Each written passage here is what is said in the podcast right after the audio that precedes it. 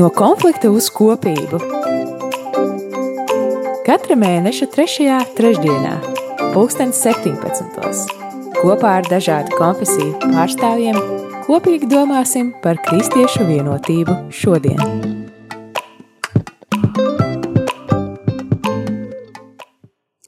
Labdien, vai nu jau gandrīz labvakar, mīļie rādījuma arī klausītāji!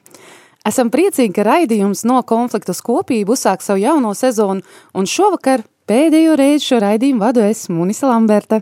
Jau ar nākošo mēnesi raidījumu vadīs Kristīna Lazdiņa, kur arī ir šovakar mūsu vidū, tā teikt, lai varētu iesildīties. Mīļi sveicam tevi, Kristīna, un novēlam izbaudīt šo jauko iespēju vadīt mūsu visu ceļā uz vienotību. Sveiki, Kristīna! Sveiki! Prieks būt kopā ar jums! Šovakar raidījums, kā solīt, mazliet citādāks būs kā ierasts, jo šis ir jautājumu un atbilžu raidījums, kurā esam apkopojuši jūsu jautājumus un centīsimies uz tiem sniegt arī kādas atbildes. Milzīgs prieks, ka jums ir tik daudz jautājumu, bet godīgi sakot, jau tagad zinām, ka uz visiem nepaspēsim atbildēt, tāpēc pilnīgi iespējams, ka šīs sezonas noslēgumā būs vēl viens jautājumu un atbilžu raidījums. Bet tad nu ķeramies pie lietas. Šovakar uz jūsu jautājumiem atbildēs trīs dažādu konfesiju pārstāvji, jeb kā es gribētu šovakar viņus nosaukt, eksperti. Katoļus šovakar pārstāvēs Modris Lācis. Sveiks, Modri! Labvakar! Luterāņus pārstāvēs Induls Paičs. Sveiks. Indul! Labvakar! Un Baptistus Jānis Balodis. Sveiks, Labvakar. ba jā, la- labvakar vai labdien. Kā šī laikā vispār saka pulkstens 5 starp 6? Tas ir labvakar vai labdien? Vai sveiki šeit tiek lietots tas burvīgais vārds? Kurš no jums zina eksperti? Kurā konfesijā kā sasveicinās? Vakars, vakars. Nu, tad labi, mums ir labs vakars. Uh, ķersimies, kā saka, vērsim pie ragiem un sāksim ar nama tēvu pārstāvēto konfesiju, jeb jautājums uzreiz jau iet katoļu pusē. Tad, tad jautājums ir no kāda kla- klausītāja, kuram ļoti interesē Marijas status. Jautājums ir piņķerīgs, un es arī esmu interesēta dzirdēt atbildi. Tad nu klausamies, kā tiek um, pasniegts šis jautājums. Es pilnīgi ticu, saka klausītājs, ka Kristus tiešām ir dzimis no svētā gara, par to šaubu nav, un tas sakrīt arī ar pravietojumiem no vecās derības. Taču daudzas citas vietas nepārprotam vēsta, ka vēlāk Marija tomēr ir bijusi Jāzeps sieva un arī citu bērnu māte. Piemēram, Mateja evaņģēlī pirmās nodaļas 20. pantā, kur eņģēlis Gabriels saka, Jāzep, tu Dāvida dēls nebīsties Mariju savu sievu ņemt pie sevis, jo tas, kas viņā ir dzimis, ir no svētā gara. Ja mēs pieņemam, ka Marija visu mūžu ir palikusi jaunava, tad jau sanāk, ka Gabriels ir melojis Jēzapam, solot sievu, bet dodot līdzgaitnieci. Tāpat arī tālāk Mateja evaņģēlī pirmās nodaļas 25. pantā, un viņš to neatzina, līdz kamēr viņa bija dzemdējusi dēlu un deva tam vārdu Jēzus. Vai tad Dievam būtu bijušas kādas grūtības panākt, lai svētajos rakstos tiek ierakstīts, ka viņi palika kā brālis un māsa? Tomēr viscaur ir tas, ka viņi tomēr bija pilna ģimene. Mani kā katolieti sāpina šī it kā uztieptājs, it kā uztieptais traktējums, lai arī Marija man ir ļoti dārga un viņas loma nav novērtējama, taču kāpēc ir bijis pieš, jāpiešķir viņai tādu titulu, kas iet pretrunā ar svētajiem rakstiem? Garš jautājums, bet nu, ko tu varētu par to teikt modri? Man uz mēles bija garš jautājums, īsa atbilde. Bet eh, no vienas puses, jā, varētu arī ļoti īsi atbildēt, ka eh, katoļu baznīcā mēs arī eh, mācam, ka pilnīgi viss eh, nav pateikts svētajos rakstos. Pilnīgi visas atbildes mēs Bībelē neatradīsim. Un uh, vajadzēs arī domāt, ko šajā 2000 trad- uh, gadu laikā baznīca ir mācījusi un ko ir baznīca tēvi skaidrojuši teologi, koncili. Un mani nesen pārsteidza viena luterāņu uh, sprediķu grāmata, kur uh, priesteris Pēteris man uzreiz parādīja, bet paskaties, re, kur dievmāt, un es pēc tam to grāmatu visu pāršķirstīju, un katrā Uh, gan izliekam, katrā tās grāmatas putnīcā bija kāds divmātes attēls, kāda ikona, uh, arī laikam Māra Subača kāda, uh, kāda zīmējums, un, un uh, es biju pārsteigts, ka uh, divmātes uh, ikona, ikonas svētgleznes ir tieši šajā luterāņu sprediķu grāmatā. Un man pašam ir bijis uh, daudz uh, tādas sarunas ar uh, brāļiem luterāņiem, ka viņi atzīst, tāpat kā tas ir koncilos definēts, ka Marija ir dievmāte. Protams, šajā jautājumā varbūt ir vairāk par to, kas tad varētu būt bijis pēc nu, Jēzus piedzimšanas un kā tur ir tālāk bijis. Protams, mums tā ir gan ziņkārība, gan otrs puses arī zinātkāre, kas ar Mariju un Jāzepu tur īsti bija. Varētu tur ielūkoties un izprašņāt un pārslēgt cauri un paskatīties. Man vairāk tas jautājums būtu, vai tas mums kaut ko dod ticībai, vai tas mūsu ticību mazina, vai arī tas mūsu ticību kaut kā pavairotu, ja mēs zinātu, ka jā, bija tā, un tā tad Bībelē ir kļūda, vai arī otrādi, Bībelē ir tā, un ka šeit varētu būt kaut kāda pretruna ar tiem pirmajiem konciliem. Un pēc tam arī domājot par to statusu, kāds ir Marijai, kā varētu kopumā formulēt šo jautājumu, manuprāt, arī tas, vai kāds kristietis domātu, ka Marija ir pēc tam dzīvojusi normālu ģimenes dzīvi, un ka viņai ar Jāzepu ir bijuši citi bērni, un ka, viņam, ka viņiem ir bijušas vīrs, vīru un sieva, sievas attiecības seksuālas, manuprāt, es eh, negribētu kādam kristietim to aizliegt domāt un ticēt, bet, eh, protams, eh, katoļu baznīcas mācībā vairāk ir šī tāda, mm, tas uzsvars, ka viņa paliek jaunava, un, un es gribētu arī uzreiz teikt, ka, ok, šo jautājumu ir uzdevusi katolieta, un arī katoļu svētie, piemēram, svētais Bernards no Klervo, ir bijis ar lielām iebildēm pret bezvainīgās ieņemšanas to mācību, jo viņš ir uzskatījis, ka viņš ļoti godina dievmāti un viņam ir sprediķi dievmātes godam, bet tad, kad kāds teologs saka, Marija ir tik svēta, ka viņa ir pat bezvainīgi ieņemta. Tātad no paša ieņemšanas brīža, kad Gabriels eņģēlis viņai runā, ka viņai nav grēka, un arī pēc tam. Tad lūk, tas, ka ir katoļu baznīcā tāda dogma, Nu, tas nenozīmē, ka vienmēr visi cilvēki tā ir domājuši un ticējuši, teiksim, visi katoļi. Un arī šis jautājums pierāda, ka ir cilvēki, kuri šai, nu, manuprāt, diezgan sekundārai ticības patiesībai nu, nepiekrīt vai netic. Kā, manuprāt, lai, lai šī mūsu māsa ir gaišā ticībā un cerībā, ka Dievs kādreiz arī to patiesību viņai atklās. Jā, nu tā ir ļoti laba atbilde. jo nu, tur nu kļūdu nevar būt, vai ne? Kad ja Dievs atklāja, tad viss ir skaidrs. Paldies um, par um, atbildi. Tālāk ejam pie klausītāja jautājumu, kas tiek adresēts Lutāņu pusē.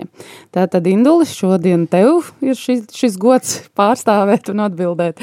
Un jautājums skan šādi. Viens no Lutera reformācijas stūrakmeņiem ir princips sola scriptura, tikai raksti. Vai šis princips atrodams svētajos rakstos? Diezgan līdzīgi kā otram, vai ne? Atkal mums ir kāds jautājums par šo tēmu. Indul. Jā, jā, nu es domāju, ka jautājums ir ļoti nozīmīgs un ļoti vietā, jo tiešām tā ir taisnība, ka tikai raksti tā bija viena no centrālajām reformācijas tēzēm. Un mums ir mazliet jāsaprot arī, kāpēc tas vispār radās un notika. Proti, Luters eh, savā personiskajā pieredzē bija sastapies ar to, ka kaut kādus savus garīgos jautājumus viņš nu, tajā līdzinējā ietvarā īsti nemācēja, vai nespēja, vai nevarēja atrisināt. Un, uh, viņš pēc savas izglītības bija Bībeles teologs, profesors. Un, uh, viņš uh, sev pašam par lielu atklājumu, pārsteigumu un reizē arī lielu mierinājumu uh, piedzīvoja tādu ļoti lielu iekšēju transformāciju un šo savu samilzušo garīgo problēmu atrisinājumu tieši lasot Bībeles tekstus. Un tā viņš nonāca pie šīs atziņas, ka tomēr ir milzīga starpība starp Bībeli, ko viņš saprata kā pašus senākos, pašus notikumiem tuvākos un šādā nozīmē autoritatīvākos pierakstus un tekstus. Bībeli kā šādu pirmavotu, no kura mēs varam smelties visu informāciju par to, kas ir noticis, tā skaitā Jēzus dzīvē, un ko viņš ir mācījis, un ko viņa tuvākie mācekļi ir mācījuši. Un vēlākajiem mūsu kā teologu mēģinājumiem šo sākotnējo vēsti kaut kā vēl varbūt precīzāk vai smalkāk vai detalizētāk izteikt. Un es to salīdzinātu ar piemēru par to, ka ja mēs gribētu uzdot jautājumu, kādi ir, nezinu, tur Fjodora Dostojevska uzskati par vienu vai otru dzīves tēmu, tad būtu milzīga starpība, ja mēs ņemtu pašu Dostojevska tekstu priekšā un sacītu, redz, kur te ir rakstīts, un te mēs varam izlasīt, kā viņš ir izcinājis šos jautājumus. Un otrā rokā mēs paņemtu kāda ļoti cienījama profesora, teiksim, doktora disertāciju, kurā viņš arī runā par Dostojevska uzskatiem un par to, ko šis cilvēks varētu būt domājis. Te nav runa par to, ka disertāciju mēs nicinātu, ka mēs uzskatītu, ka viņa nav svarīga vai ka šis profesors kaut kā nav izdarījis savu darbu, bet vienkārši ir milzīga starpība starp pirmo avotu un sekundāro avotu. Un tas ir, kas ir jāsaprot, ko nozīmē šis sola scriptūra princips. Ideja ir tāda, ka, ja piemēram, tajā cilvēku radītajā vēlākajā ticības izklāstā mēs saskartos ar kaut ko, kas nonāk pretrunā pirmtekstiem, tad taisnība būtu pirmtekstam. Mums būtu vienmēr sava teoloģija un visi savu spriedumu jāpakārto chronoloģiski un arī pēc loģikas iepratīšana pirmajam avotam. Bet jautājums, protams, satur tādu āķi, jo viņš atved mūs pie vispār ļoti lielas tēmas par mūsu ticības kaut kādu fundamentu. Un šajā ziņā šis sola skriptūra pilnīgi atklāti un godīgi pats sevi pasludina par tādu diezgan nu, svešvārdā izsakoties, voluntāru, nu, tādu ticībā pieņemtu principu, uz kura mēs balstamies. Uh, un tad mēs varētu sacīt, nu, uh, jā, varbūt, ja atbildot uz šo jautājumu, ja mēs atrastu, un mēs varam atrast Bībelē kādas vietas, kur ir sacīts, ka tieši Bībeles teksti, tieši raksti ir tie, kas palīdz mums atšķirt patiesību, ieraudzīt Kristu. Ja mēs redzētu, ka Bībele, piemēram, saka tiešā tekstā, ka lūk ir 27 grāmatas jaunajā darībā, un tās jums ir jālasa, un tās ir autoritatīvas, vienalga būtu tas jautājums, vai ar to pietiktu. Jo mēs taču varētu iedomāties, ka Bībele saka, ka viņa ir autoritatīva, uh, Bet, eh, bet, ja viņa nav autoritatīva, tad arī šis viņas apgalvojums nav līdz galam uzticams. Tātad beigu beigās jautājums ir par mūsu ticības kredītu. Kam mēs iedodam to, to pirmo roku izšķirt šos lielos, lielos komplicētos teoloģiskos jautājumus? Bet atbildot tā pavisam īsi, jā, Bībelē ir eh, šī mācība par to, ka Dievs mums ir devis rakstus Dievs mums ir devis, piemēram, vecās derības kontekstā toru, savus likumus, savus baušļus. Visi vecās derības pravieši uz to atsaucās. Vēlāk arī Jēzus pats atsaucās uz eh, vecās derības tekstiem, piemēram, slavenajā notikumā, kur viņš eh, cīnās ar kārdinājumiem tuksnesī. Tad, kad viņš atbild savam kārdinātājam, viņš neapelē pēc loģika, pie loģikas vai kādiem filozofiem, bet viņš saka, stāv rakstīts, stāv rakstīts, stāv rakstīts, un tā viņam ir augstākā autoritāte. Viņš arī atsaucās uz uh, šiem citātiem vecajā derībā. Viņš, piemēram, saka, neviena raksta zīmīte neies bojā un nepazudīs, viss piepildīsies, vai ne debesis un zeme zudīs, bet šie vārdi nezudīs.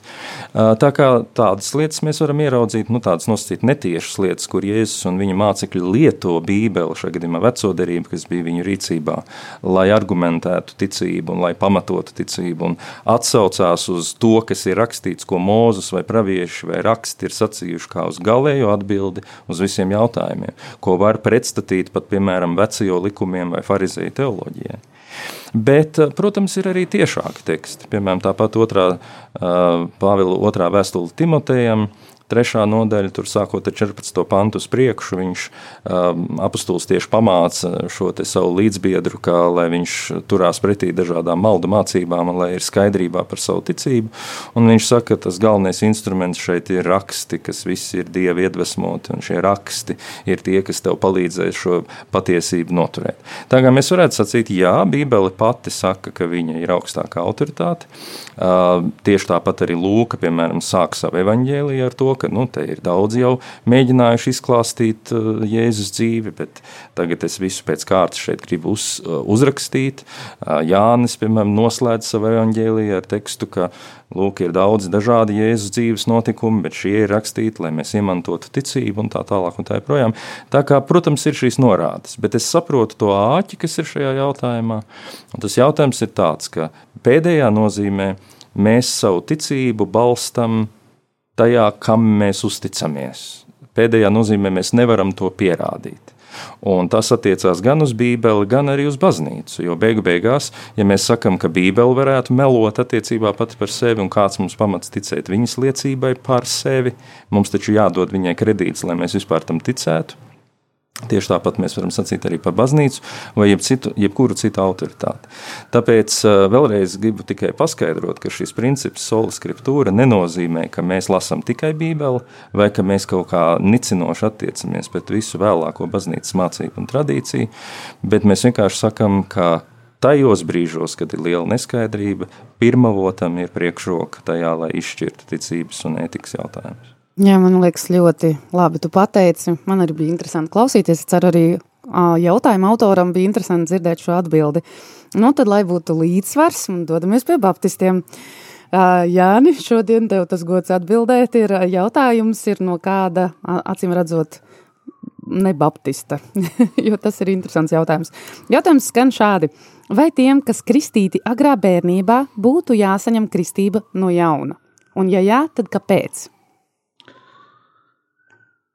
Nu tā, jāsāk jau paši jautājumi. Mēs, kā zinām, visi jautājumi, kas sākās ar vai, viņi vienmēr iedod divas īsas atbildes, vai nu nē, vai nu jā.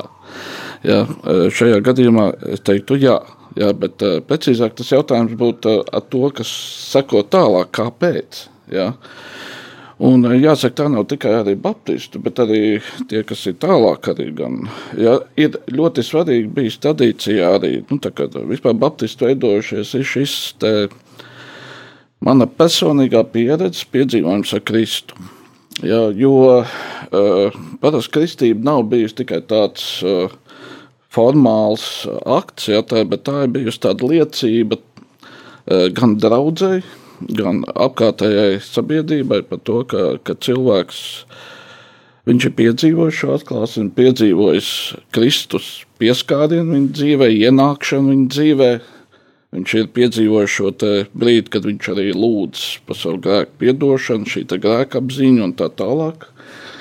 Un, un tas ir tas solis, ja vienmēr bija tas redzamais, tas, kas ir iekšēji noticis ar cilvēku. Kristība ir bijis tas redzamais, tā tāds akts, tāds solis eh, tam brīdim, ka tagad tā dzīve, kas ir man bijusi aiz, tā, tā vecā, kā mēs teiksim, ja, tā beidzās, un es tā kā atzīmstu tā jaunai dzīvē ar Dievu. Un bieži vien arī nu, tas uh, baseins, ja, tēt, vai, vai upe, vai kā ir arī bieži vien lieto to arī tā kā tā simboliski tāda nomiršana vecai dzīvei un atzīmšana tā jaunai. Ja. Un līdz ar to tā, tā kristība, kāpēc ir ne, vairāk akcents ir uz to pieaugušo, tāpēc, ka ir ļoti svarīgi, ka tas cilvēks apzinās, un tas ir viņa apzināts lēmums, ja, ka nav kāda uzspiest, viņa brīvprātīga izvēle, ja, sekot. Ja. Un, un arī vēl otrs ir tas, ka arī baptistu tradīcijā tā nav tikai viņa personisks tā ticības apliecinājums, bet tā ir arī ieiešana draudzē. Ja? Līdz ar to arī uzņemšana daudzē ja? un viss darīšana. Jautājums ir, protams, jājautā, kā ir, ja cilvēks nāk no kādas citas konfesijas. Ja?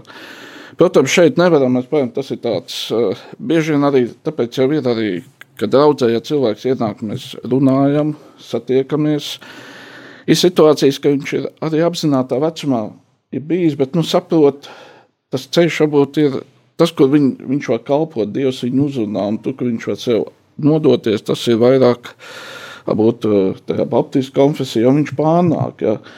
Bet, ja viņam tas ir bijis jau iepriekš, piemēram, ja viņš ir kristīts vai luterāņš, ja, tad, uh, tad nu, mēs bieži vien arī skatāmies ļoti individuāli. Ja, ja cilvēkam tas ir, viņš aizem arī pasaka, bet es tajā brīdī Tas man bija tā, tāds īsts pagrieziens. Nu, tas tā kā vairāk, lai tas būtu kā personīgs jā. piedzīvojums ar lēmumu, jā. tā, tā, tā doma. Jā. Es, Jāni, varu papildināt, tas, tas nav autora uzdots jautājums, bet es vienkārši arī iespējams kādu no klausītājiem arī to gribētu zināt, ka dažādās konfesijās tad šīs kristības ir dažādas. Par šo būs raidījuma tēma. Viena no šīs sezonas mm. raidījumiem būs tieši par kristībām. Katoļos un luterāņos, jūs, kungi, palabojiet, ja es kļūdos, tad arī mazus bērnus kristīja, vai ne? Baptisti īsti to nedara.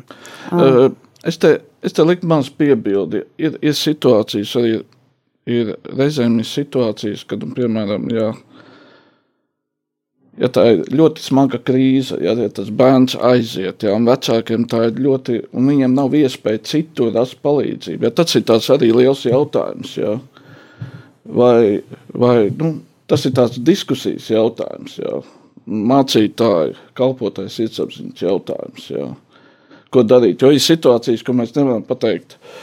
Mīļie vecāki, jā, ejiet, meklējiet tur, tur, tur. Jā bet viņš tūlīt pēc desmit minūtēm tas bērns var nomirt, piemēram. Jā. Vai arī uz šo jautājumu tu, šī atbilde varētu būt, ka tas ir izvērtējums? Tas ir izvērtējums. Šie, mm -hmm. šie jautājumi ir izvērtējumi. Jā, Jā paldies, Jāni. Uh, mums drīz būs muzikālā pauze, bet pirms tās mēģināsim iesākt vienu tādu tiešām grūtu jautājumu. Mm, katoļiem atkal, jā, nu, diemžēl tie jautājumi ir tādi pamatīgi, bet es tiešām priecājos, mīļie klausītāji, un aicinu arī jūs sūtīt šos jautājumus tālāk, norādot tieši raidījumam no konfliktu uz kopību uz e-pastu info at radiomārija.lv. Tad, tad ejam atpakaļ pie jautājumiem, ja? jautājums katoļiem un lasu jautājumu. Vai tiešām ir tā, kā esmu dzirdējis katoļu sakām, ka vienīgā pareizā konfesija ir katoļi, jo to esot iedibinājis pats Jēzus Kristus, un apustuļu iedibinātā kristīgā prakse ir katoļu konfesijas pirmsākums. Papildinot to vēl ar apgalvojumu, ka priesteri ir pašu apustuļu iecelti, kas paudžu paudzēs ir tikuši iesvētīti ar roku uzlikšanu, un tas esot vēl viens arguments, ka katoļi ir pirmā un pareizā konfesija. Es nekur Bībelē nevaru atrast to, ka Jēzus vai mācekļi, apstuļi būtu katoļi vai kādi citādi, katolisms tiktu izcelts kā pareizā un Kristus iedibinātā konfesija. Kas vispār ir pareiza konfesija, jo tās tradīcijas, dievkalpojuma kārtība un pārējo, ko šobrīd var redzēt dažādās konfesijās, nekur Bībelē netiek ne pieminētas, ne norādītas. Paldies par jautājumu. Un man šķiet, ka uh, arī tad, kad par marioloģiju es runāju, uh, Arī tagad ir tāda sajūta, nāciet uz Rīgas augstāko reliģiju zinātņu institūtu, stājieties iekšā un nāciet uz fundamentālu teoloģijas lekcijām, un tur tas viss tiek smalki izstāstīts. Un papildus vēl arī ekumēnisma principi, kā mēs uzlūkojam brāļus no citām konfesijām un kā mēs paši par sevi stāstam. Un tie formulējumi, var būt diezgan kardināli atšķirīgi.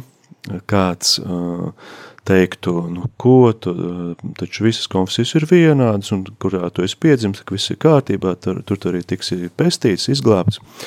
Savukārt Pāvis Benedikts 16. kad viņš bija vēl kardināls Jozefs Ratzingers, viņš izdeva tādu dokumentu, uh, Dominus Jēzus, un tad uh, tas dokuments, kuru pāvests Jānis Pēls II tā laika pāvests nebija parakstījis, bet ko viņš arī teica, nu, paraksti pats, es liekas, tik smalki nezinu, kāpēc uh, šis dokuments nebija arī uh, Jāņa Pāvela II parakstīts. Un ja, tur ir tie vārdi, uh, ka pestīšanas pilnība ir atrodama tikai Romas katoļu baznīcā. Uh, Un tad uh, tie uh, kristieši, kuri bija jau tā Jāņa Pāvila otrā tādā atvērtas sadarbības tādā gaisotnē un Vatikāna otrajā koncilā arī kā novērotāji un eksperti piedalījušies, viņi domāja, bet kas tagad notiek? Vai tiešām tas viss ir svītra pāri šai draudzībai un atkal ir vecie inkvizīcijas laika, nu, kad es esmu vienīgais pareizais un citi, citiem tur viss kaut kas pietrūkst. Jā, tas ir diezgan liels jautājums, un, un arī pats Pāvils Jānis Pāvils II, šis ekumēnisma viens no tādiem motoriem, dzinējspēkiem pēc Pāvila VI, kurš bija arī saistīts ar to laiku, kad Vatikāna otrā koncila šajā atmosfērā arī tika noceltas savstarpējās ekskomunikas ar pareizcīgo baznīcu, ar Konstantinopolis patriārhu, un arī skatoties no vēsturiskā viedokļa, vislielākā pareizcīga baznīca Maskavas patriārhāts, varētu teikt, bet kāda mums tur daļa, ka viņi ir kaut kādā mazā Konstantinopolis, tur reāli Stambulas ar kaut kādu patriārhu, tā tur nocēla tās ekskomunikas. Un svarīgi ir, ka mēs saprotam, ka Lai arī kā mēs manipulējam ar šiem jēdzieniem, kas ir faktiski filoloģija, ko tu ar to jēdzienu saproti, kāda ir definīcija, un tad kurš varētu apgalvot, ka es esmu pareizais. Manuprāt, ir jābūt iekšējai pārliecībai. Dievs mani aicina tieši šādā ceļā, bet es izturos ar milzīgu cieņu pret jebkura cilvēka viedokli un pret jebkura cilvēka ticību. Un tad, kad mēs vēsturē skatāmies par reliģiju kariem, piemēram, Francijā, vai Šveicē, vai Vācijā, ka cilvēki uh, gadu desmitiem ilgi varēja cīnīties ar ieročiem rokā, uh, cīnīties par savu patiesību. Atkal uh, vēsturnieki varētu arī to interpretēt citādāk, ka tas bija tikai iemesls vai iegansts, lai varētu savu vardarbību kā, likt lietā, un tad Jānis ir baptists šeit un uzbruk viņam, un, un Jānis atkal sit pretī. Bet uh, tas ir jautājums, vai viņi cīnījās tāpēc, ka viņi uzskatīja, ka viņu viedoklis ir vienīgais pareizais, un šie, šie citi, kurus es nevaru viņu citādībā pieņemt, viņi ir jāiznīcina, ja viņi nepāriet manā ticībā. Un uh, mēs uzreiz saprotam, ka mūsdienās uh, baznīcas oficiālā mācība tāda nevar būt, jo mēs esam tie, kas sludina labo vēsti, nevis tie, kuri ar kaut kādu grāmatvedību nodarbojas un tagad tādā un tādā paragrāfā, tādā un tādā apakšpunktā, teiksim, viņiem ir nepareizi, mums ir pareizi. Nē, mūsu centrā ir pats Kristus un trīsvienība, kristības sakraments, un uh, tas, ko Jānis stāstīja, es, es uh, domāju, ko uh, baptistam varētu pateikt katolis, ka to ticību uzņemās it kā vecāki un krustvecāki, bet ok, pareizi ir tā, kā tu teici, ka ja, te, ja tev nav tā ticība, tad tev tā kristība, principā, nu, viņa, viņa tajos prāta gados tad būtu kaut kādā veidā jāatjauno, un tas, tas tā ir. Un, Tā kā, manuprāt, šeit ir drīzāk jāsāk no pašiem pirmsākumiem par to, kur filoloģiski vai etimoloģiski tas vārds katolis parādās. Tad, ja katolisks, es ar daudziem luterāņiem, skatoties krēdo, mēs saprotam, ka katolisks ir universāls, tas, kas ir visai pasaulē, visai cilvēcei domāts. Un šeit nebūtu nodalījums tie ir Romas katoļi, kurus jau uzskata par pareiziem, un mēs esam nekatoļi, bet katolisks, kas būtu visa Kristus dibinātā baznīca. Un tad jau, ja mēs sadalām tur kaut kā ciešāk, sīkāk, tad mēs varētu spriest, ko tas vārds katolis nozīmē, un ka, ka obligāti visi katoļi domā, ka Jēzus Kristus bija katolis. Nu, protams, ka tas ir, ir arī vēsturisks uh, tā ir vēsturiska institūcija, iedibinājums, kas ir veidojies, un tur tam visam ir vērts izsekot līdzi, un mēs saprastu, ka šis jautājums īstenībā ir tāds kā pirmais mēģinājums kaut kādu kopsakarību, kaut kādu kop, tādu ainu, siluetu ieraudzīt, bet tad, kad tu sāc iedziļināties tajā kristietības bagātībā, tu saproti, ka ne jau, ne jau par to ir stāsts, kurš ir pareizs vai kurš ir nepareizs, bet ka Jēzus Kristus ir pareizs. Un, un tas, ka tu esi personīgās attiecībās ar viņu. Nu, man ļoti patīk tava atbilde. Paldies. Es ceru, ka arī jautājumu uzdevējs ir apmierināts dzirdot to. Jo tā tiešām ir. Mēs jau kādas raidījumus atpakaļ arī runājam par to, ka ļoti daudz šie aizspriedumi vai šie konflikti saucamie mums ir radušies vēsturiskā notikumu ietekmē, kur ir kaut kādi gadījumi bijuši, kur kāds kādu ir pārpratis un ar nepareiziem motīviem pievilcis klāt, jeb kādu konfesiju vai kristietību, un tad nu gājis ir cīņā, lai panāktu savu, ne ar tiem ieročiem, un bieži vien, jā, šīs sekas jūtam mēs vairs vien vēl šodien, un diemžēl tas ir kaut kas, kas mūs sašķeļ, bet raidījums ir par to, kas mūs vieno, vai ne? Un uh, dosimies mazā muzikālā pauzē, un pēc tam turpināsim runāt par šiem jautājumiem.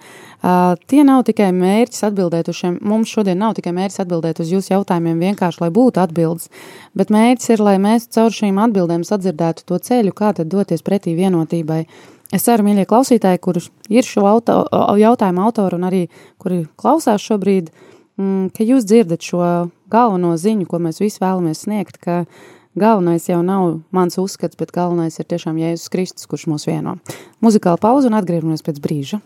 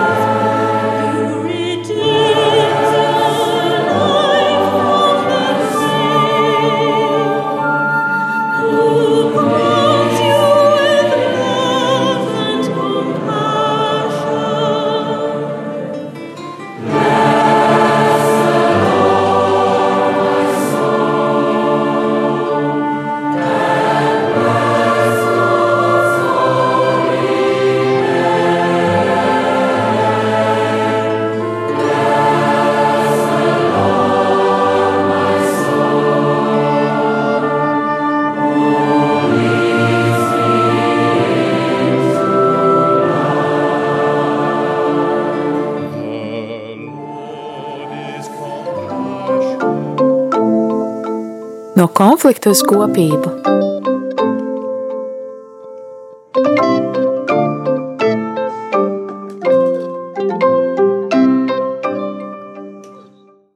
Esam atpakaļ studijā un atgādinu, ka jūs klausāties raidījumu no konflikta uz kopību. Un šoreiz pēdējo reizi ar jums kopā esmu es Munis Lamberta. Uh, Studijā pie mums ir dažādi konfesiju pārstāvju viesi. Es atgādināšu vārdus, lai jūs zinat, ko jūs klausāties. Tātad um, nenogurstoši uz jautājumiem mums atbild Modris Lācis, kurš šovakar pārstāv katoļus, Induls Paičs, kurš pārstāv luterāņus, un Jānis Balodis, baptistu puses aizstāv. Kungi, turpināsim ar jautājumiem, kur jau vairāks no jums lūkšu izteikties. Tātad šis būs jautājums Baptistiem un Lutāņiem vai protestantu pusē. Katoļi mazliet atpūšās pēc garās atbildes, kas nu pat ir izskanējusi. Um, tātad jautājums ir sekojošs. Kāpēc protestantiem ir tik maz lūkšanu? Vai litānijas novēnas, dažādas svēto lūkšanas ir atbalstāmas no protestantu puses? Varētu būt interesanti modrim dzirdēt šo atbildi. Es varbūt iesākšu, un tad Induls papildinās. Eh, Man nav tādas spējas, ka es varētu spēt saskaitīt tās lūkšanas, cik baptisti ir raidījuši. Es domāju, ka dievam ir tāds varbūt skaitītājs. Jā. Bet, ja būtu iespēja apskatīties to statistiku, ja mēs tur varētu rakstīt uh, nullīšu skaitu vienkārši bezgalīgi. Ja? Uh, tāpēc, ka lūkšana ir bijusi tāda individuāls mans uh, nu, saruna, man satikšanās ar Dievu un, un, un jā, arī diskusijas, un reizēm arī ejot pa ielu, ja cilvēks var lūgt, ja, un tā tālāk. Ja. Uh, Tā kā es nevaru teikt, ja, ka Baptisti nelūdz, ja, ja, ja, ja nav kāda lūkšana grāmatiņa priekšā. Ja, patiesībā ļoti. Ja. Un tāpat tās kā visi pārējie. Bet, protams, tā ir vienkārši tā tradīcija. Bet jāsaka, arī Baptistiem ir daudz, piemēram, ir dzinieki, visi, kuri, piemēram, dziesmas arī rakstījuši, kas ir kā lūkšanas. Ja. Protams, mēs izmantojam arī, arī citu tradīciju lūkšanas, jo reizēm ir ļoti svarīgi arī, ka tev ir. Uh, Lai neiet tādā rutīnā, kaut kādos standarta frāzēs, vai kā, bet tu vari smelt un atkal kādas domas atziņas, ja teiksim, eh, to lūkšanu izlasot, un arī ejot dievkalpojumā to lūkšanu, ka tu piedzīvo kaut kādu citu dimensiju, ja tā un citu, eh, citu arī tādu atklāsmi. Ja, tā kā, eh, nu tā, tas, es domāju, tā ir tāda, katram, katram ir savs un savs veids, kā satiekās ar Dievu. Jā, es mazliet iestarpināšu. Modri man tomēr gribētos tavu komentāru dzirdēt. Jānis pieminēja tādu vārdu kā ieslīgšana rutīnā. Kā tu varētu komentēt, vai šīs lūkšanas, novenas un vispārējais ir kaut kas tāds, kas tā kā veicina rutīnu? Kaut kādā ziņā tas tā varētu būt. Bet viens ir tas, ka es eh, kā katolis neprakstītos eh, zem šī jautājuma ar tādu karēvīgu attieksmi, ka rekā mums ir, tāpat arī studijā ir tās lūkšanas grāmatiņas, redz, mums katoļiem ir, un ar to mēs esam labāki, un jums, eh, protestantiem, nav, un tāpēc jūs esat sliktāki. Manuprāt, tas būtu pilnīgi absurdi šādi teikt, jo īsnībā, nu, tie vājie katoļi, viņi nevar, eh, viņi svētajā garā uh, saklausīt, ko svētais gars caur viņiem saka, un, uh, teiksim, improvizēt šīs lūkšanas vai teikt no sirds, no tā kā tajā brīdī Dievs viņus uzrunā, viņiem tur jāņem kaut kādas tur 12. gadsimta, 17. gadsimta dievbības formas, kur tāds un tāds uzrakstīs to lūkšanu, tad tur tāda litānija un tā. Un eh, tiem, kas ir tādi evaņģēliski un harizmātiski katoļi, manuprāt, tas ir viens no tādiem evaņģelizācijas eh, šķēršļiem, kad tu saki, nu tā, nāciet tādu uz katoļu baznīcu, te jums ir lūkšana grāmata, tādu litāniju skaitīsim, tādu rožkroni. Tas cilvēks, mūsdienu cilvēks, kurš stāv diezgan tālu no kristietības, no Kristus, viņš teiks, paga, um, ok, es cienu tavu tādu dievības formu un tavu reliģiju, bet sorry, man tas neinteresē, man nu, nepatīk tas. Un uh, tu ar visām savām litānijām vari nu, iet pilnīgā strupceļā. Savukārt, ja tu nāc un uh, tā kā alfas kursos, uh, kad ir kursā, kad ir um, brīvi izteikts lūkšanas, slavēšana, aizlūgumi, ka tad tu jūti, ka Dievs arī uh, caur tevi var pateikt kaut ko absolūti oriģinālu, ko nekad neviens cits nav pateicis. Labi, mans komentārs ir diezgan Nē, ļoti garš, labs jā. komentārs. Indul, tagad vārds tev par šo pašu jautājumu. Man jau daudz nekas nav ko piebilst vairs. Te abas puses tika ļoti labi skaidrībā. Pirmkārt, tiešām es ļoti pievienojos tam, ka nomērīt, kuram ir labāks, vairāk vai, vai patiesāks lūkšanas, nu gan mēs nekādi nevarēsim. Atšķirība ir tiešām tajā dievbijības tradīcijā, dievbijības formā. Un, protams, ka Man ir jāpiekrīt, ka viena daļa no protestantiskajām baznīcām ir ļoti spēcīgi ietekmēta no tā teoloģijas perioda, kurā protestantiem bija svarīgi akcentēt, ka mūsu attiecības ar Dievu ir Dieva žēlastības dāvana, rezultāts, Kristus darbības rezultāts. Un līdz ar to Faktiski jebkura tāda cilvēcīga darbība, kura pretendētu uz to, ka viņa izraisīs dievā kaut kādu lielāku labvēlību vai lielāku žēlastību, nekā viņam jau ir pret mums, pateicoties tam visam, kas ir noticis Kristū, tika uzlūkota ar ļoti lielām aizdomām, kā iespējams tāda teoloģiska neprecizitāte. Pie tam protestantiem vienmēr ir bijis arī tas skaidrs, ka nu, mums nevajadzētu par Dievu domāt pārāk cilvēcīgās kategorijās, Jo redziet, tādiem lieliem valdniekiem un kungiem patīk, ka viņus tur visādi slavē un sauc mīļos vārdos, un skaistos un godīgos vārdos, un tad visi atcer himnas un slavas dziesmas savam vadonim. Bet eh, ka Dievs nav tādā ziņā norūpēts par to, lai mēs viņam nepārtraukti kaut kā viņa to mazo ego tur stutētu ja, ar šiem slavinājumu vārdiem, bet kad drīzāk jautājums ir par mūsu pašu nepieciešamību veidot, kā Jānis to teica, kontaktu ar Dievu. Un te es gribētu ļoti pievienoties, ka šīs senās metodes, kas ir intuitīvi atklātas katoliskās baznīcas eh, paspārnē, viņas varbūt vienkārši ir vairāk redzamas, ka viņas ir savā laikā lieliski kalpojušas tam uzdevumam, tieši nodibināt šo personisko saiti. Un laikmetam mainoties, kur cilvēkiem varbūt ir mazliet cita izpratne, ko nozīmē šāda personiska saite un kā viņi ir veidojami, kā jau mēs dzirdējām, tas pat kādreiz var būt arī zināms šķērslis, kas ir īpaši jāskaidro un jāpaskaidro. Tāpēc, jā, teiksim, protestantiem ir mazliet citi akcenti tajā, piemēram, ja man vajadzētu šajā brīdī sajust Dieva žēlastību, man tā kā pietrūktu uh, šī praktiskā izjūta. Es zinu, ka Dievs man mīl, bet man pietrūkst šī izjūta. Tad viena sacīt, nu paņem lūkšanu un skaiti šo lūkšanu, kurā tu lūdzies pēc Dieva žēlastības un pēc viņa klātbūtnes, un šī lūkšana pat pa sevi aizvedīs tevi līdz šai pieredzē. Tad savukārt protestants lielākoties teiks, nu paņem labāk palas bībeles tekstus, palas kādu celsmīgu sprediķi, Jo ne tik daudz tev ir jāstāsta dievam kaut kas, bet tev jāklausās, ko viņš tev stāsta, un tad tu to mieru dabūsi. Un jūs jūtat, ka mēs varam, protams, šīs lietas pretstatīt, bet tas absolūti nav obligāti. Drīzāk viņas vienu otru papildina un vienu otrai palīdz. Mm, ļoti tā, man ir skaņa. Es nepamanīju, vai man ir skaņa vai nav. Ļoti jauki. Paldies jums par viedokli, tiešām par lūkšanām. Manuprāt, mēs tieši arī šeit runājam studijā par to, ka no lūkšanas tās ir tiešām ļoti dažādas un personīgas un brīži, bieži sanāk tā, ka tev pašam nav ko teikt, tad es pat esmu piedzīvojis to, ka šīs rakstītās lūkšanas nāk palīgā, un tad, kad ir tāds pilnīgs tukšums, tu tiešām lasi vai skaidri to, ka, kā, ko kāds cits ir sarakstījis, un tu vienojies ar viņu šajā lūkšanā, Un tas tāds, tad, manuprāt, ļoti jauka iespēja arī tiem, kur līdz šim nav lasījuši kādu lūkšanu, pēc šī raidījuma izlasīt kādu. Uh, bet jautājums šobrīd būs visām konfesijām, jo es skatos, ka mūsu laiks strauji, strauji tek uz otru pusi. Un, lai mēs varētu vēl tādu jēgpilnu jautājumu izrunāt, tad uh, jautājums būs Pa kārtai. Es nezinu, kā mēs sāksim. Droši vien modri ar tevi, lai tas tā ritmiski iet. Un jautājums ir interesants. Tad, ko katoļi, jo tu pārstāv katoļus, var mācīties no baptistiem un lutrāņiem? Un šis jautājums jau Jānim un Indulim ir apdomājams, jo jums būs tāds pats.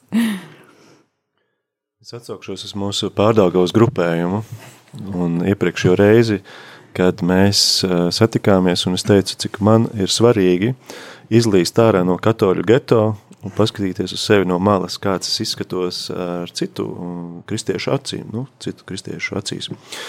Un noteikti tie lielie uzsvari, ko mēs mācāmies no, no citām konfesijām, piemēram, to kristības ārkārtīgo nozīmi no baptistiem, no luterāņiem, bībeles, svēto rakstu un ticības milzīgo nozīmi, no pareizcīgiem liturģijas ikonu un liturģiskās dziedāšanas un, un baznīcas arhitektūras milzīgo nozīmi. Un es nesen Instagramā redzēju Lutāņu mācītāju Bitānu Siekstātas tajā baznīcā, Un uh, man pārsteidza, pirmkārt, cik uh, moderni traktēta senā pareizcīgo arhitektūra, un ka tur viņš pats arī, tas Lutāņu mācītājs, izstāsta tā kā tāds uh, nu, pareizcīgo priesteris. Un ka, manuprāt, tas ir viens, varbūt kāds teiks, ah, tas jau tāds sinkrētisms. Nē, bet manuprāt, kāpēc tu nevari no saviem brāļiem paņemt to, kas tur ir tas pats dārgākais, un tas vissvarīgākais, kas uzrunā, kas ir tavas arī personīgās dievbības, tāds īsts dzinulis, un ka tu nesaki, nē, nē, nē, tas nav priekš manis, tas ir pareizcīgi. Iegremdēšana, kristība, nu, tad ejiet pie baptistiem. Bībele, nu, beidziet, tas, tas taču ir tur pie tos torņa kalna neiet, vai tur uz Induļa to institūtu, tad jūs varēsiet. Un meditācija, nē, nē, tad jums ir pierūbaņa ceļš, tur brauciet uz mazieru, bet tur tāda smuka tā rekolekcija. Katoļiem mums ir tikai sakramenti, pāvests, litānijas un gatavās lūkšanas, un kas mums tur vēl varētu būt. Var cot, ka tu beigās saproti, paga, paga, nu nē, es, es negribu sevi ielikt kaut kādā tādā mazā būrītī un, un skatīties, kā viņu tur forši slavē, un tāpēc pēc Vatikāna otrā koncila, ka ir šī harizmātiskā atjaunotne, manuprāt, tas ir tiešām svētā gara tāds, tā ir dāvana, ko mēs esam saņēmuši, ka mēs varam šos dārgumus no, no citiem smelties un, un dalīties. Tādas divas tādas, kā tu sākumā minēji, uh, kopsavilkuma lietas, tad baptistiem tā varētu būt kristība un luterāņiem tie sakramenti vai um, bībele. Nu, jā, tas tā varbūt virspusīgi, jo vairāk es iepazīstu savus brāļus, Jāni un, un Edgaru, baptistu mācītājus un Induli Linārdu un Kasparu luterāņu mācītājus, es redzu, kā viņi uzlūko savas draudzes, kā viņi skatās uz pasauli un arī kas viņiem, piemēram, katoļos, šķiet tāds jautājuma cienīgs, kur viņi uzdod, kā, tas, kā jums tur tas notiek un tā. Un tā tas, Bet tad ir, tad ir vairāk nekā viens, ko tu vari noteikti, paņemt. tur būtu vairāk, jā, jā. jā, daudz, daudz vairāk. Un mums, piemēram, par baptistu konfesiju šogad ģimnāziju, katoļu ģimnāziju absolvēja Rolands Pļaviņš, nu, armijas kapelāna dēls, un viņš rakstīja pētījumu, kāda ir uh, divu konfesiju baptistu un, un katoļu atšķirība un kas ir kopīgs. Un, manuprāt, lai, lai cik tas izklausītos, uh, varbūt smieklīgi, līdzīgi kā kuri lūdzas vairāk, un ne, cik, kā to izmērīt, un, bet mēs nonācām līdz uh, tādiem elementiem, kur kaut ko var salīdzināt, un kur kaut ko var arī ieraudzīt, cik tas viss ir īstenībā kopīgs. Man liekas, par to vajadzēs vēl kādu raidījumu, jo izklausās, ka šis ir pārāk pilns jautājums. Bet vārds Indulim, lai mēs iekļautos laikā, jo mums vēl turpinājumā būs pēdējais jautājums. Šis ir priekšpēdējais, tad Induli, ko tu varētu paņemt no katoļiem un no baptistiem? Kas ir tas, kas tev šķiet, kas varētu būt tāds vērtīgs? Nu, te jau daudz kas tika pieminēts, negribu atkārtoties un gribu tiešām uzsvērt, ka visticamāk tā nav kāda viena lieta. Bet eh, nu, no manas perspektīvas, eh, tas, kas man interesē šajās citās konfesijās, ir eh, tieši tas, kā cilvēki dažādos gadsimtos, dažādās kultūrās, kurās arī ir veidojusies attiecīgā konfesija, ir meklējuši gan ceļu pie dieva, gan arī ceļu savukārt pie cilvēka sirds. Pie cilvēka sirdīm. Un tas man vienmēr ir bijis tāds liels iepriecinājums. Te jau tika pieminēts, es arī uz katoļu baznīcu skatos uh, Un tas, ko es no viņas varu mācīties, noteikti ir tāda, tas viņas universālais raksturs, kas man vienmēr ir licies tā ļoti interesanti, ka, kā tas ir, ka ir viena organizācija tiešām visas pasaules līmenī, kas spēj kaut kādā līmenī koordinēti darboties, un kas ik pa brīdim kaut kur tajā milzīgajā, milzīgajā cilvēku daudzumā rodās spilgtas, ļoti tādas nu, uzrunājošas kaut kādas idejas, prakses, un kā šīs idejas un prakses tālāk var izplatīties pa visu to organismu. Un, tas man liekas tāds ļoti abrīns, cienījams veids. Protams, es pieņemu, ka pašiem tas izskatās no iekšpuses stipri savādāk, bet no manas perspektīvas tas parāda kaut ko ļoti būtisku, tādu sadarbības līmeni visas pasaules mērogā. Un, protams, arī jau pieminētās garīgās prakses, eh, kuras es pats personiski arī lietoju un kas man liekas ļoti svarīgas. Un savukārt no baptistiem noteikti, jā, es uz, piedod, jā, uz, uz baptistu konfesiju vairāk skatos kā uz tādu, kas, eh, kas realizē to, ko es nosauktu tādu pietisku, dievbijīgu dzīves uh, uztveri un ticības uztveri. Un savukārt vienmēr, kad es esmu viesojies baptistu draugzēs, tad es esmu jūs abrīnojis par jūsu tieši tām, kā mēs smalki sacīt, horizontālajām attiecībām, proti, ka tā tiešām ir draudze, kur cilvēki ir atvērti viens otram draudzīgi un kur viņi nu, to savu dievbijību realizē nevis tur teoloģiskās formulās, bet vairāk tiešām tajā praktiskajā dzīvē, un tas, man liekas, arī tāds ievērības cienīgs atkal, mācīšanās objekts. Paldies, Indula, ļoti jauki. Tiešām prieks, ka jūs esat pamanījuši kādas vērtības arī citās konfesijās. Jāni, vārds tev! Nu, jāsaka, viss jau ir pateikts. Tiešām, jā, bet uh, es tā, tā vienkārši tā klausoties uh, Modriju un Indulijas, tā domāju pa debesīm. Es tā iedomājos. Nu, nu, mums tas jautājums ir jāatrisina šeit. Jā, jo debesīs tu būs nu, tāda raiba kompānija, ja, ka mums tur nebūs vairs laika, tu spriest, man patīk, man nepatīk, vai kaut kas tāds. Jā. Un es domāju, mums šeit esot, tā ir iespēja mācīties. Jo es pat domāju, mēs tādā pavasarī piedzīvojam, ko nozīmē pašizolācija. Ja? Bet es domāju, ko nozīmē garīga pašizolācija. Ja es pasaku, man ir vienīgā patiesība, tas nozīmē, es jau lēnām garīgi, garīgi mirstu. Ja? Bet vai tu varētu pateikt, katoļi, ko tu varētu mācīties no katoļiem? Iesim konkrēti, jo laiks mūs dzēn. Es, es pat teiktu godīgi, tas, kas man no abiem ir, kas vienmēr ir licies, ja? Indols pieminēja to pieetismu, ja? to ka tu mūģi un tā viss darbojās pie mums, ja, tā tālāk. Un reizēm es ieju katoļu baznīcā, es ieju luterāņu baznīcā, un reizēm tas klusums un tā attieksme, ja, tas, ka tu vari iet, apsēsties, sagatavoties, sākās dievkalpojums, ja. Un, un es domāju, tā arī tāda sava veida attieksme pret to vietu, kur tu esi atnācis, ja, Tas nav vairs varbūt klubiņš ja, vai kaut kāds, kas var izveidoties. Ja. Bet tas ir dievnams. Ja. Un reizēm tā lieta man ļoti patīk. Tas tas svētums varētu būt, ko tu tur sajūti, tā pietāta Dievu priekšā? Nu, jā, jā, es domāju, ka jā. tā cieņa, godbijība, pietāta. Jā.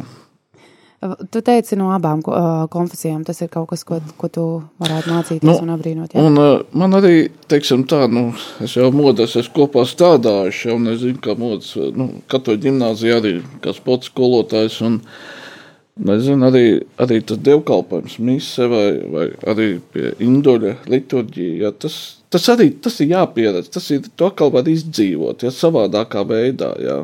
Ka tu neesi priekšā, ja, teiksim, tev ir jāvada, ja, tā, Bet tev liturģija un tas viss tev nes, nes uz savām rokām, ja tas vārds, kas tur ir, ko tu izdzied, ko tu izrunā, ja, un kā tas dievkalpojums ir būvēts. Un tā ir tāda pieredze, ko, man liekas, ja tā uzmanīgi iedziļinās un tu to izdzīvo, ja, tu ieraudzīsi, tā ir milzīga arī bagātība, ja, kas ir Paldies, Jāni.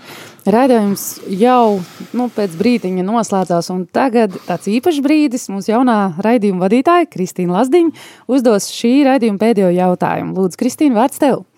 Jā, nu bija interesanti klausīties šos iesūtītos jautājumus un aizdomāt par tiem, un tāpēc arī man radās jautājums visiem trijiem kungiem par to, Kā jums šķiet, kas ir tie aktuālie jautājumi ceļā uz konfesiju vienotību, par kuriem jūs paši gribētu runāt un diskutēt nākošajos raidījumos? Modri. Jā, labi, ka mūsu sastāvs arī šajos raidījumos mainās. Piemēram, šodien bija paredzēts, ka būs biskups Andris, un viņš ir mūsu tāds uh, teikt, eh, grupējuma līderis, eh, bet eh, reizē arī mācītājs Edgars, viņš ir tas, kurš tīri praktiski mūsu tajā WhatsApp grupā sasaista un uzrunā. Man šķiet, ka arī šajā redzējumā iezīmējās daži tie virzieni, kurus būtu vērts tālāk mm, arī mm, virzīt. Piemēram, tas ir diezgan retorisks jautājums, kas tad tev ir tas vērtīgais, ko tu no otras konfesijas paņem. Bet jo vairāk tu tajā iedziļinies, jo, jo vairāk tu saproti, ka to nemaz nav tik viegli noformulēt. Bet tā ir savstarpējā iepazīšana. Jā. To es uzskatu, ka tas, tas ir joprojām jāturpina. Mm, paldies. Jā. Man liekas, jau šo raidījumu tāds virziens, arī, kas ir bijuši pirms tam, ir jautājums par šo vienotību, kas mums vieno. Jā, vai, Un man liekas, tieši caur to vienotības prizmu, ja, ka mēs varam runāt par tām lietām, mēs, mēs arī redzam tās atšķirības, mēs redzam tās lietas, varbūt, kas ir bijušas vēsturē, vai tagad tādi jautājumi, ja, kur ir diskusijas vai kā ir.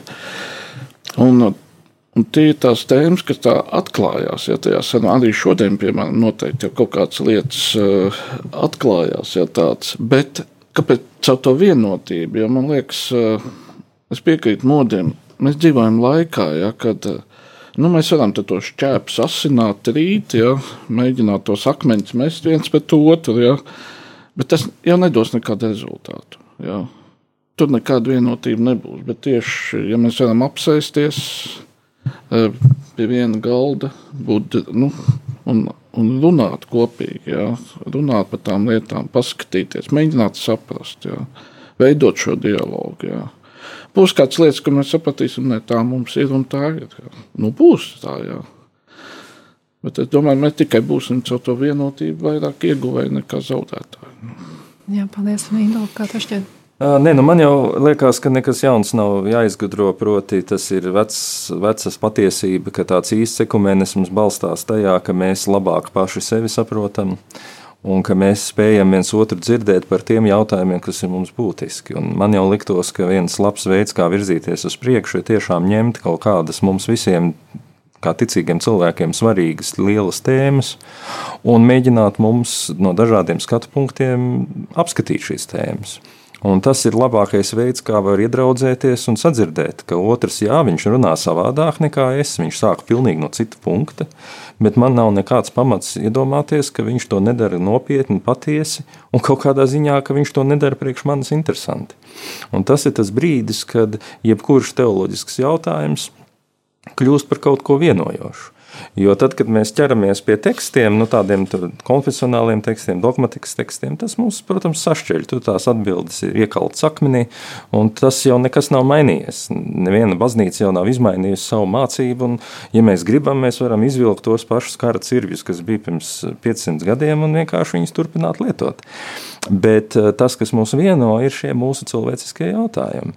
Mūs vieno tas, ka mēs dzīvojam laikmetā, kurā kristietība nav pašsaprotama, kurā kristietībai no jauna ir jāpierāda sevi kā vispār uh, uz dialogu cienīgu partneri. Un šajā situācijā uh, katrai konfesijai ir kaut kādi savi ceļi, savas atbildes, savas metodes, ar kurām tas tiek darīts. Un es domāju, ka jūtot, ka otrs ir brālis vai māsa, kas vienkārši pa citu ceļu to frontes līniju tura, mēs varam sajusties tik vienoti, kā nekad mēs to nevarēsim izdarīt, ja mēs vienkārši nosēdīsimies viens otram pretī un mēģināsim saprast, kurš ir ilgāk lūdzis un kurš ir pareizāk liturģiju vai dogmatiku formulējis. Indola, es gribētu pajautāt, um, tu teici, ņemt svarīgas lielas tēmas un mēģināt no dažādiem skatiem punktiem tās apskatīt. Vai tu varētu lūdzu minēt kādas konkrētas tēmas, jo tas tiešām noderētu arī mums nākošos raidījumos saprast, kas tad ir šīs tēmas, par kurām runāt? Nē, nu es, es sacītu, patiešām mēs varam runāt par, par ļoti lielām tēmām. Nu, piemēram, ko, kā mēs vispār saprotam, nezinu, kā mēs saprotam, kas ir Dievs, ko mēs ar to saprotam. Ko mēs saprotam ar to, ka mēs sakam, ka Kristus ir mūsu pestītājs. Ko mēs saprotam ar to, ka mēs sakam, mēs esam ticīgi cilvēki. Kas ir tas, ko mēs saprotam ar, ar, ar, ar, ar kristību, jā, nu, jā, kā viens no jautājumiem. Un tam līdzīgi, un tam līdzīgi. Būtībā mēs varam visām baznīcām jau ir kopīgs tas ticības mācības karkas, vai ne? Katehismu pamatjautājumi, un mēs varam par viņiem runāt. Es domāju, ka tas varētu būt ļoti interesanti. Bet, nu, protams, tā ir tikai viena metode. Nu, kādas no tēmām, ko tu minēji, tiešām arī būs? Es apsveicu, tu esi pareizi uzmanējis tālākās tēmas. Bet, mīļie raidījumi viesi, mīļie raidījumi klausītāji, mūsu laiks ir beidzies, ja tā mēs varētu teikt. Un es gribu teikt ļoti lielu paldies visiem viesiem, kuri bija šodien ar mums kopā. Un paldies arī tev, mīļo klausītāji, ka varējām būt kopā gan iepriekšējā sezonā, gan arī aicinu tevi būt kopā arī šajā sezonā. Turpmāk manā vietā, kā jau nojauta dzirdējis Kristīna Lasdiņu, bet mani dzirdēs jaunajā raidījumā dzīves stāsti, kurš skanēs katra mēneša pirmajā trešdienā, 17.00. Nu, mīļie draugi, es gribu atkal noslēgt šo raidījumu ar novēlējumu, lai Dieva gars ir tas, kurš mūs visus aizvien vieno. Uz tikšanos!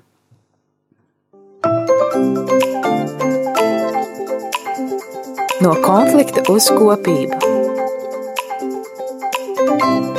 Raidījums par kristiešu vienotību.